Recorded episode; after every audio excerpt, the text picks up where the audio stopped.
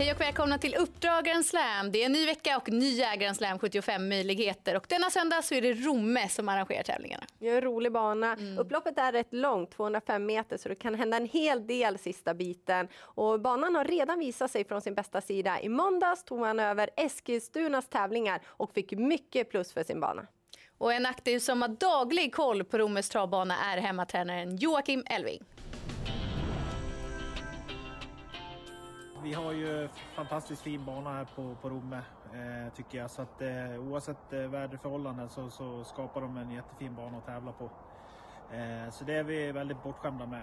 Eh, vi har bra förhållanden, det har varit lite kallt nu igen och, och banan har varit fin här i veckan. Så att, ja, det, det blir bra tävlingar på söndag. Current Leader ska starta och gör spännande comeback. Vad tror vi där? Eh, nej men han gjorde ju bra tycker jag som treåring där. Eh, var ju med och, och högg lite där framme hela tiden och fick ju vinna ett lopp också. Nu har han gått in och tränat i sanden här nu tre månader som det är helt nytt för han då. Så att, eh, det känns som att han har utvecklats, lagt på sig lite mer eh, massa i kroppen och, och, lite mentalt också. Så att eh, eh, är ju ute på rätt distans. Så eh, hoppas och tror att han ska kunna vara med där, där framme på en plats i alla fall och slåss. Ja, vi kan återigen förvänta oss en riktigt fin bana, en härlig vinterbana. Och så är det färre vinnare från ledningen säger statistiken. Så är det. Däremot vinner fler från tredje par och bakåt jämfört med snittet i landet. Nu tar vi oss an veckans heta.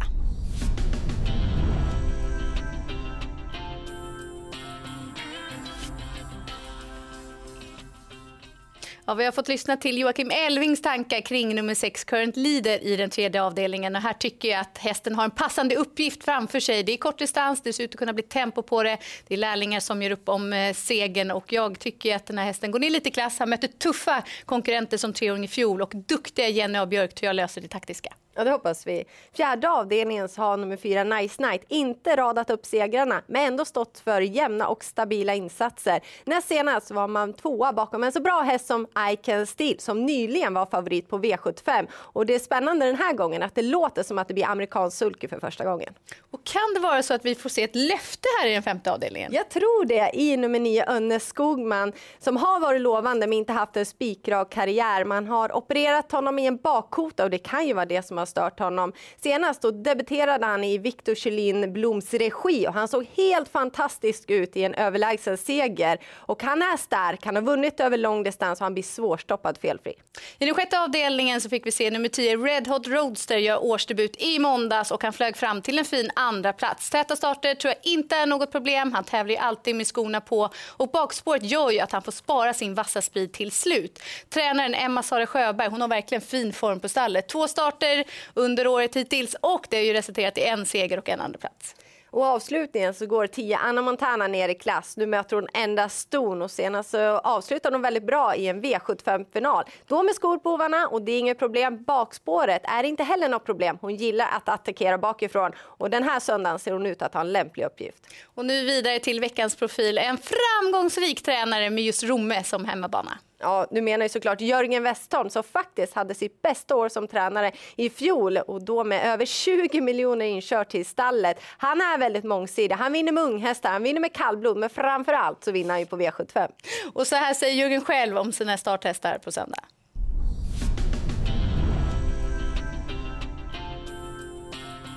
Eh, I avdelning 2, nummer 5, Lillhans, hur lyder rapporterna där? Ja, jag tyckte han gick rätt så bra senast utvändigt och nu kör inte han själv den här gången och eh, han eh, kan väl vara med i segerstriden. Jag har inte riktigt läst på vad han möter faktiskt. Nummer 11, Nine Points Yankee då i fjärde avdelningen? Nej, han, ja, han hängde med ganska länge här i det här tuffa loppet på annandag jul här och formen är fin och skulle det bli lite tempo så han kommer åtminstone göra ett bra lopp så får vi se. Är banan fast och fin det gynnar han och det kommer det nog bli där på söndag. Det låter bra. Nummer 9, Reven Déjà Vu startar i avdelning 6. Ja, bra mest, bra mest varje gång. Var jämn och säker i ett givet streck. Och så ett Graces Candy i avdelning 7. Ja, hon är också jämn och säker och var tvåa just nyss här på Solvalla och såg fin ut så att hon startar lite tätt. Vilket jag tror kan passa henne. Hon behöver få lite tempo i kroppen så att eh, hon har också ett streck. Jörgen Wester nöjd med sina hästar. Finns det någon häst du vill lyfta lite extra? Nummer fem Lillehans i den andra avdelningen. Jag tycker att han har fina förutsättningar. Mm. Nu går vi vidare till veckans Kalla.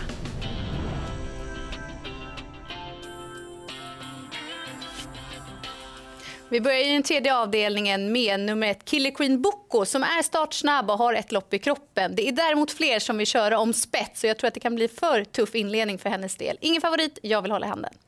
Och I avslutningen så kommer nummer fyra Navona från seger. Hon har riktigt fin segerprocent. Men det har blivit en del galopper på slutet och ingen jag vågar lita på. Hon brukar tävla bäst med barfota bakbalans och det är inte helt givet att hon kommer till spets. Dags att runda av programmet. Och Jennifer, vad är det viktigaste att ta med sig inför söndagen? Fjärde avdelningen om det blir amerikansk sulk eller inte på fyra Nice Night. Och tänk på att det är många vinnare bakifrån på Rometravet och nummer 10 Red Hot Roadster i den sjätte avdelningen såg väldigt fin ut i sin årsdebut. Mm, och vi ser ut att få fina förutsättningar med fin bana på söndag. Stort lycka till med Grand Slam 75 om ni tar chansen på söndag.